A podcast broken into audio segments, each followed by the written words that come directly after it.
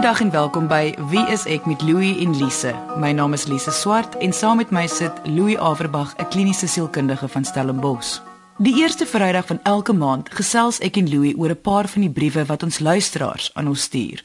Alle briewe wat op Wie is ek bespreek word, bly anoniem om identiteit van die skrywer te beskerm. Vandag gaan ons twee briewe bespreek wat moeilike onderwerpe aanraak.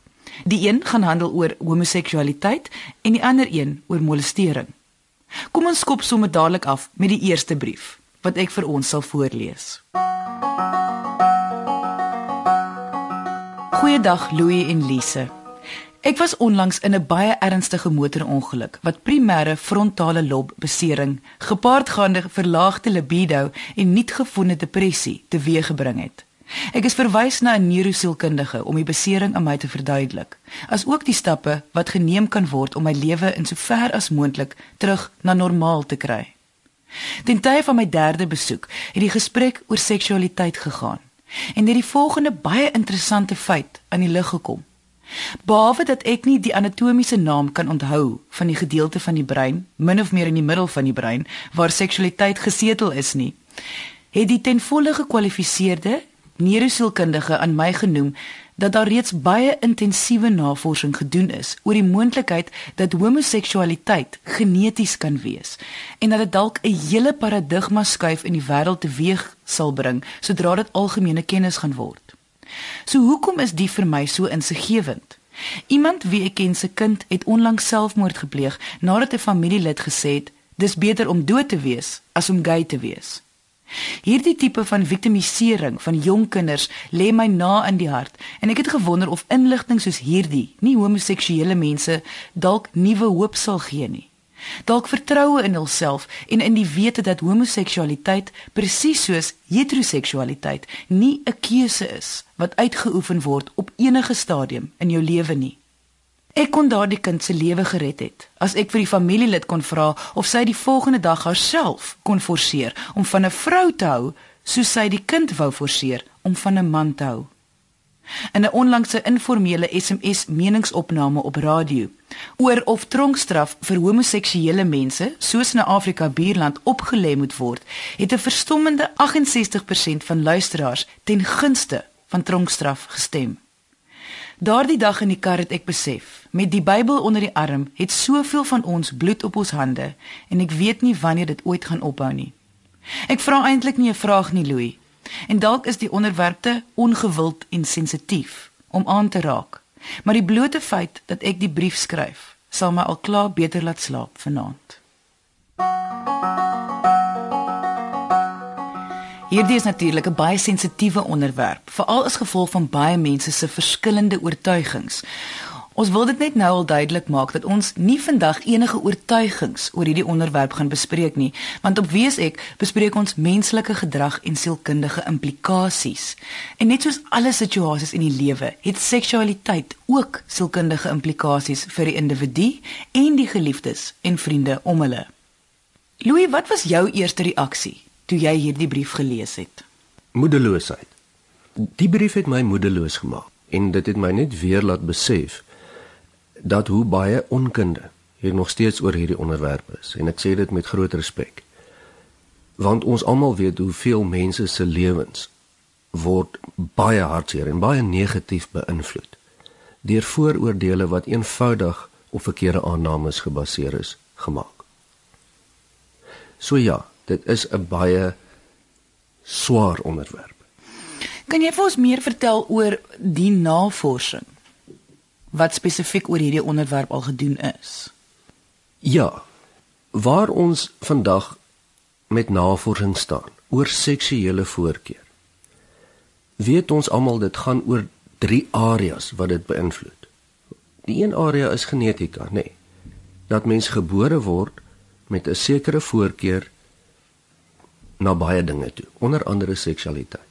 Dis die een area. Dan is daar ook 'n neurologiese area wat ons persoon wat die e-pos geskryf het baie mooi verduidelik wat die neurosielkundige van gesê het. Die midbrein area beheer baie vlakke van hoe jou seksualiteit uitgeleef word, primitiewe drifte ensovoorts. Dis amper 'n oerbrein waarvan ons hier praat. En dan is daar ook omgewingsfaktore Met ander woorde, dit wat in ons lewe gebeur, wat 'n impak op ons maak, wat ons ons besluite laat maak. Onder andere hoe ons onsself seksueel gaan inrig in ons lewe. Die navorsing wys daar's 'n wisselwerking tussen hierdie drie faktore. Wat die navorsing verder wys, is dat genetiese faktore by verre die grootste rol speel wanneer dit kom by seksuele voorkeur. En dat omgewingsfaktore verseker nie die grootste rol speel nie. Dit kan ons met sekerheid sê. Indien jy wil hê ek en Louie moet jou brief, storie of vraag hier op Wie is ek bespreek, kan jy ons kontak deur ons webwerf wieisek.co.za of gaan na ons Facebookblad onder Wie is ek met Louie en Lise. Onthou alle briewe wat bespreek word sal anoniem bly.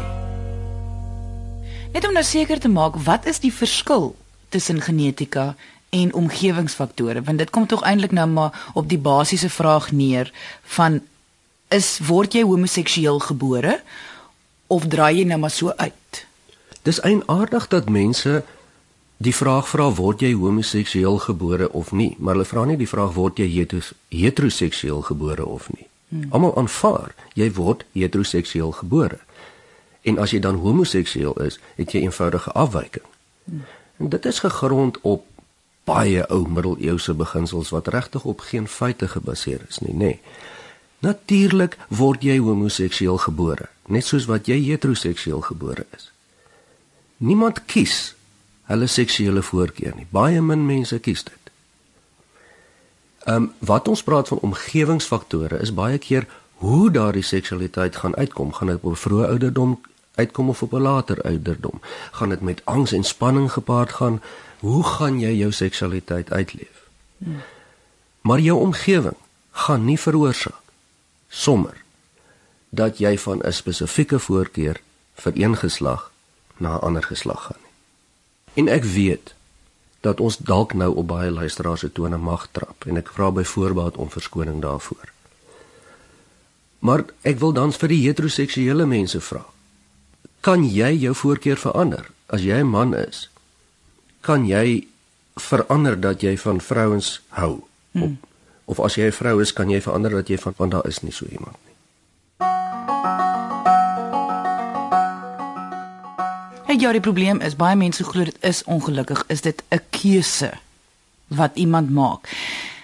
En dan is daar die gevalle waar die ouers van iemand wat homoseksueel is skuldig voel dat hulle voel hulle het iets verkeerd gedoen. Maak dan nie saak of hulle daarmee saamstem of nie, maar hulle voel hulle is die mislukking dat hulle kind is homoseksueel. So wat jy nou vandag hierso sê is is nee, dit is nie hulle skuld nie. Want hulle val onder omgewingsfaktore. Dit is verseker nie hulle skuld nie. En kom ons gaan praat ook oor genetika. Mens kan nie 'n keuse maak of jy heteroseksueel of homoseksueel in jou aard is nie. Jy kan 'n keuse maak wat jy doen baie goeie voorbeeld hiervan is reg oor die wêreld mense soos monnike of of nonne wat gewoonweg heteroseksueel heel moontlik is maar 'n keuse maak om te besluit hoe gaan hulle hulle gedrag aanpas vir wat ook al die rede is. Hulle gaan celibaat bly. Nee. En dit wys mens baie duidelik wat die verskil is tussen 'n keuse en wat nie. Die keuse word gemaak op hoe jy uitleef wat deel van jou is. En as ons weer oor die ouers gesels. Genetika werk ook nie so eenvoudig soos een van die ouers het bruin oë, een van die ouers het blou oë en nou die kind bruin oë en dit is die ouer met die bruin oë se skuld nie. As mens nou wil skuld toe dien. Genetika is 'n baie ingewikkelde konsep wat baie meer gaan oor DNA strukture, inligting wat op 'n baie baie fyn manier oor baie geslagte uitgeruil word. Wat die mediese wetenskap nou eers die tegnologie begin ontwikkel om regtig te verstaan. Dit is nie iemand se skuld nie. Net so min dit iemand se dit die ouers se skuld is as die kind heteroseksueel is. En wanneer dit kom by omgewingsfaktore, is dit baie moeilik om iemand se seksualiteit te bepaal deur hoe jy dit die kind grootmaak. Jy weet jy sê die ou uh, klisjées van as jy nou die die seun soos 'n meisie grootmaak, met ander woorde laat pop speel of laat koek bak, tipies hmm. van, dan gaan die kind gay word. Dit werk nie so nie. Dit is ook nie so. Dit is nie so nie. Jy weet so ouers hoef nie te veel daaroor te bekommer nie. Kinders wil aanvaarding hê. Hulle hoef nie geleer te word waar hulle seksuele voorkeur is nie. Hulle word daarmee gebore. Jy luister na Wie is ek met Louie en Lise op RSG 100 tot 104 FM. Die skrywer het vertel van 'n kind wat haar eie lewe geneem het, vermoedelik omdat sy besef het sy is homoseksueel. Duidelik kom sy uit omstandighede, omgewingsfaktore waar sy gevoel het sy sou nooit aanvaar of verstaan word nie en voel toe om haar eie lewe te neem was die enigste opsie. Ons het al in vorige episodes gesels oor hoe alleen en eensaam 'n mens voel wanneer jy nie verstaan of aanvaar word deur die mense om jou nie. Hoe kan 'n mens voorkom dat iemand anders wat dalk ook so voel oor hul seksualiteit nie dieselfde doen nie? As jy homoseksueel is en jy weet dit en jy word teen gediskrimineer, moet jy besef jy's nie eintlik regtig in die minderheid nie. Daar is nie soveel meer stryd mense in die lewe as wat daar gay mense is nie. Die navorsing wys dit vir ons. Hm. Ironies genoeg. So jy's nie die enigste persoon wat daarmee iets fout is of jy dink daar's fout met jou of alleen en eensaam is. Daar is miljoene homoseksuele mense reg oor die wêreld waarvan baie mense hulle hulle self ten volle uitleef en jy is nie daarom opgepik te word nie en jy hoef ook nie om verskoning te vra vir hoe jy voel. So met ander woorde as jy voel iemand is in so 'n situasie wat die kind duidelik in was. Ja. Ryk uit dan na ander mense. Mense wat jy voel is dalk in dieselfde situasie of was al deur dieselfde situasie. Ja, ek kan amper die versekering gee vir elke persoon wat jy kry wat teen jou gaan diskrimineer omdat jy gay is, gaan jy twee kry wat by jou sal staan.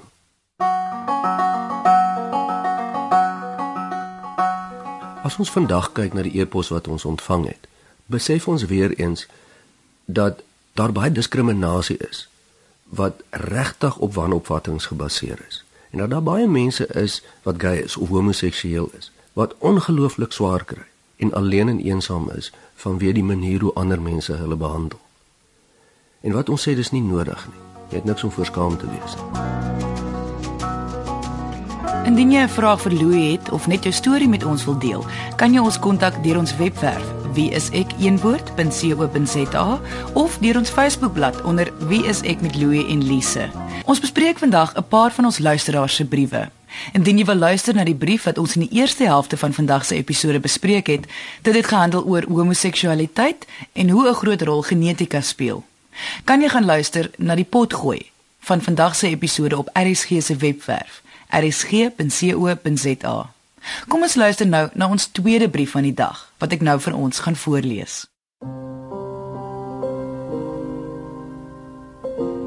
Goeiedag Louie en Lise. Ek is nou in my mid-30s en my seksuele tuistering van my pa het ek al die jare stil gehou, maar nooit vergeet nie. Maar na soveel baklei, mense wat my nie verstaan nie, hoekom ek so oorbeskermend is oor my twee meisiekinders 'n inbraak by die huis en eerste dood in die familie het ek so siek geraak dat niemand kon uitvind wat is fout nie. Ek was permanent in die hospitaal. Toe is ek gediagnoseer met angsversteuring en depressie. Toe bars die bom. Alles oor my kinderlewe wat ek onderdruk het vir 25 jaar kom toe uit. Nou is dit baie erger as wat dit was, want nou glo niemand my nie. Almal het my afgeskryf en sê ek praat nonsens. Tog is dit 'n groot las van my skouers af. Ek moes dit vroeër gedoen het, dan was ek dalk nie nou so siek nie. My ma het geweet van alles en kon nie vir my sorg nie. Sy het my 2 keer teruggestuur na my pa toe toe ek 14 was. Hy het my baie goed versorg en my deur skool gesit. Na skool vir my gehelp om werk te kry, woonstel en alles. So ek is baie lief vir hom, want hy het my nooit weggejaag nie. Ek het my maar altyd na skool in my kamer toegesluit was bang ek kom in en as ek bad, moes ek alles doen om die gaatjies in die deur toe te maak sodat hy my nie kon afloer nie. Dit was hel. Maar waartoe sou ek gaan? Ek het 'n pragtige familie wat my ondersteun, my man en kinders. Maar hoe gaan 'n mens aan? Ek het my pa probeer konfronteer, maar hy ontken alles. Hy het wel nou ingestem om my binnekort te kom sien en te gesels. Jong, nou is ek so op my senuwees, maar dit voel asof 'n berg van my skouers af is.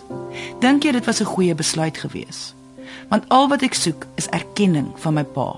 Ek wil dinge uitsorteer. Dan gaan ek weer myself kan wees. Hierdie is 'n baie groot vraag. Moet jy die persoon konfronteer wie jou seer gemaak of gemolesteer het of nie? Louis, wat is jou opinie? Ek dink voor ek daai 'n antwoord, moet ons net eers 'n ander punt maak.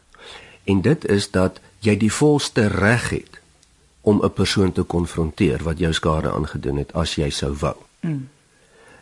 En in hierdie geval moet ons altyd onthou waar daar seksuele molestering was, was jy die slagoffer. Dit beteken iemand wat in 'n groter magsposisie as jy was, het jou kom boelie. So jy hoef nie oor die ander persoon bekommerd te wees nie. Jy het die reg om dit te doen. Dis punt 1. Hmm. Maar om dan die vraag te antwoord, moet mens dit doen of nie? Is 'n baie moeilike vraag want dit het voordele in en dit het nadele in. En ek wil dit amper so kort as moontlik antwoord deur te sê ja, dis 'n goeie idee om dit te doen mits jy volle beheer oor die situasie het. As jy nie het nie, moet jy baie mooi weet waarvoor jy jou inlaat. Ok, maar dit gaan jy nou beter moet verduidelik. Wat beteken dit om beheer te hê van die situasie? Een van die grootste aspekte van seksuele molestering is gewoonlik dat kontrole weggevat word van 'n persoon af. Hmm. En dat as daardie persoon dan in 'n volwassene is, wil hy of sy by kontrole terug hê. Dis tog wat die dame hierso sê. Sy hmm. sê man, ek wil nie ek wil kontrole hê. Ek wil weet dit was so. En onthou nou, baie keer word mense ook nie geglo nie. Hmm. Jy weet, so 'n vriende se reaksie is nie 'n vreemde reaksie nie. Nee, dis dis nie 'n vreemde reaksie nie. Ons weet dat seksuele molestering kom baie voor in gesinne waar uh die persoon wat die oortreder is eintlik goeie uh burger in die gemeenskap is, jy weet, en deur almal alle ander mense gerespekteer word. En wat baie keer gebeur is dat dis erger om in hierdie situasie te leef waar niemand my regtig weet wat aangaan nie en later begin jy aan jouself te twyfel. So wat ek baie duidelik by ons briefskrywer lees, is sy wil die erkenning hê. Hmm. Sy wil hê hy moet sê ja, ek het dit gedoen, dit was so gewees. En ek is jammer. En in hierdie geval dink ek dit is 'n baie goeie plan. Hmm. Maar ons weet nie of hy dit gaan doen of nie. Dis wat ek nou wil weet. Want uh, voor ons nou by daai punt uitkom, wil ek net vinnig weet kan so iets, daai erkenning, kan dit dan daai angs en depressie wegneem? Baie keer kan dit. Baie keer kan dit. Nie altyd nie, nê. Nee. Hmm. En daar is gevalle waar ek dink dit is nie goed om iemand te konfronteer nie. Maar in hierdie geval is dit glad nie 'n slegte idee nie. Behalwe dat hierdie dame moet besef, sy kan nie gaan verwagtinge hê dat hy gaan erken of nie erken nie. Hy het dit dan in die verlede heeltemal ontken. Wat sal die implikasie wees as hy dit weer eens ontken en vir haar sê dit is nie so nie? Dit kan vir haar verskriklik wees. En as sy weet dat dit 'n moontlikheid is en sy gaan daarmee in die gesprek in, dan is dit goed. Sy kan nie met hoop in die hart ingaan nie want dit beteken hy het weer eens kontrole. Hy gaan besluit of sy tevrede daar uitstap of nie. En hy verdien dit nie. Indien jy wil hê ek en Louie moet jou brief, storie of vraag hierop wees ek bespreek, kan jy ons kontak deur ons webwerf wie is ek eenwoord.co.za of gaan na ons Facebookblad onder wie is ek met Louie en Lise. Onthou alle briewe wat bespreek word sal anoniem bly. Ek wil tog die vraag net om omdryf want dit voel vir my as iemand nou na al hierdie jare ook nou erken dit is so. Voel dit vir my een ek sou gevaar gewees en ek sal daar sal 'n woede onmiddellik ja. in my ontstaan dat hoekom het jy nie al lankal dit erken nie? Een en twee of ek sal emosioneel sal dit vir my so erg wees. Nie net vir haar nie, maar vir my persoonlik. As ek net dink aan na 25 jaar sê iemand ja, ek het dit gedoen. Ek wil amper sê ek sou erger gevoel het.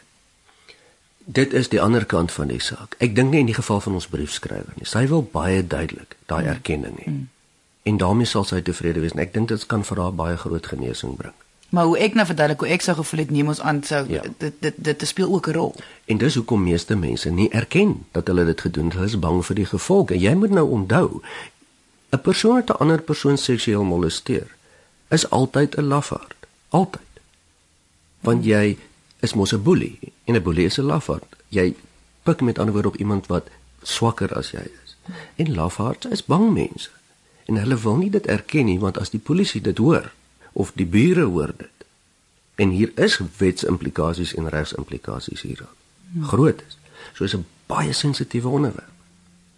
En daai selle skelmte wat ingegaan het om hierdie ding weg te steek vir baie jare van die oortreder af is ook nog besig om homself ook te wil beskerm in die geval natuurlik, nê. Nee. Angsversteuring en depressie is nie iets waarmee 'n mens moet speel nie. Dit is 'n ernstige gediagnoseerbare toestand. Indien die skrywer se situasie dan nou nie uitdraai soos hy gehoop het nie. Wat sou jy voorstel moet sy definitief doen? Ek sou voorstel dat sy oop oë in daai ontmoeting ingaan. Daar's 'n verskil tussen hoop en verwagting. Ons hoop saam met haar dat hierdie ding kan 'n closure kry want mense kan hulle foute erken, mense kan verander. Maar verwag ook dalk dat dit nie moontlik gaan gebeur nie en dat dit vir jou teleurstelling gaan wees, dit gaan vir jou dalk kwaad maak of hartseer maak en hou jou ondersteuningssisteem baie naby aan jou. Ek weet dat baie mense gaan voel hierdie vraag is dalk nou heeltemal belaglik, maar Kom ons sê die pa luister dalk nou na hierdie episode. En hy besef dat dit is nou hy. Het jy enige raad vir hom wat nou in hierdie ontmoeting gaan instap? Ja, en ek sê weer, ons is nie hier om te oordeel nie. En die raad sou wees, meneer, as jy dit weet, kry op 'n manier die erkenning uit. Al skryf jy dit nie op 'n papier en onderteken dat dit jou in die moeilikheid kan bring nie. Gee die erkenning Ek was die oortreder, ek was verkeerd, nie jy nie, want jy het klaar baie skade gemaak aan hierdie persoon se lewe. Erken nou jou fout, wees menslik en gee vir hulle dieselfde respek terug en dan kom jy ook met eer uit die stryd uit. Jy luister na Wie is ek met Louie en Lise op RSG 100 tot 104 FM. Watse rol sal jammer in hierdie situasie speel? Is dit so belangrik om te hoor ek is jammer of is dit so is dit belangriker om te hoor ja, ek het dit gedoen? Weet jy as mens regtig jammer is, dan help dit baie. Moenie nou kom verskonings aanbied as jy nie jammer is nie. Dis belangriker die erkenning. Vir die meeste slagoffers van seksuele molestering as kinders is dit baie belangrik baie belangriker om te hoor dit is so jy het jou nie verbeel nie as wat dit is ek is jammer daaroor want hulle het nie meer die jammerte nou nodig nie Die skrywer van vandag se e-pos roer die onderwerp aan van om 'n oortreder van seksuele molestering te konfronteer na baie jare met die hoop dat dit vir haar sal tot rusting bring. Hmm. En dit kan so wees. Mens moet net baie versigtig wees, dit werk nie vir almal so nie. En wat ons oor die algemeen sê, jy het die reg om enige iemand te konfronteer wat jou seksueel gemolesteer het. En doen dit as jy dit wil doen. Onthou net een ding jy kan nie verwag dat hulle gaan reageer soos jy wil hê hulle gaan nie. Jy kan net hoop en wees sommer gereed vir ingeval dit nie goed uitwerk nie. En dit is wat dit beteken om beheer te, te neem. Maak dan nie saak wat hy sê nie, jy het nog steeds beheer en dis wat jy wil hê. En as jy voel jy gaan nie mooi daardie beheer kan neem nie, vat eers so 'n dag of twee en en werk 'n gameplan uit saam met 'n vriend of ondersteuningspersoon of 'n professionele persoon totdat jy gereed is en dan hou jy totaal beheer oor hoe daardie gesprek gaan. Ons het aan die einde van vandag se episode gekom. Indien jy enige vrae vir ons het of net jou storie met ons wil deel, kan jy ons deur ons webwerf kontak. Wie is ek? eenwoord.co.za of kom gesels saam op ons Facebookblad onder Wie is ek met Louie en Lise. Dankie dat jy vandag ingeskakel het. Ons maak weer so volgende Vrydag net na 12 hier op RSG. Jy moet 'n heerlike naweek hê en onthou, kyk mooi na jouself.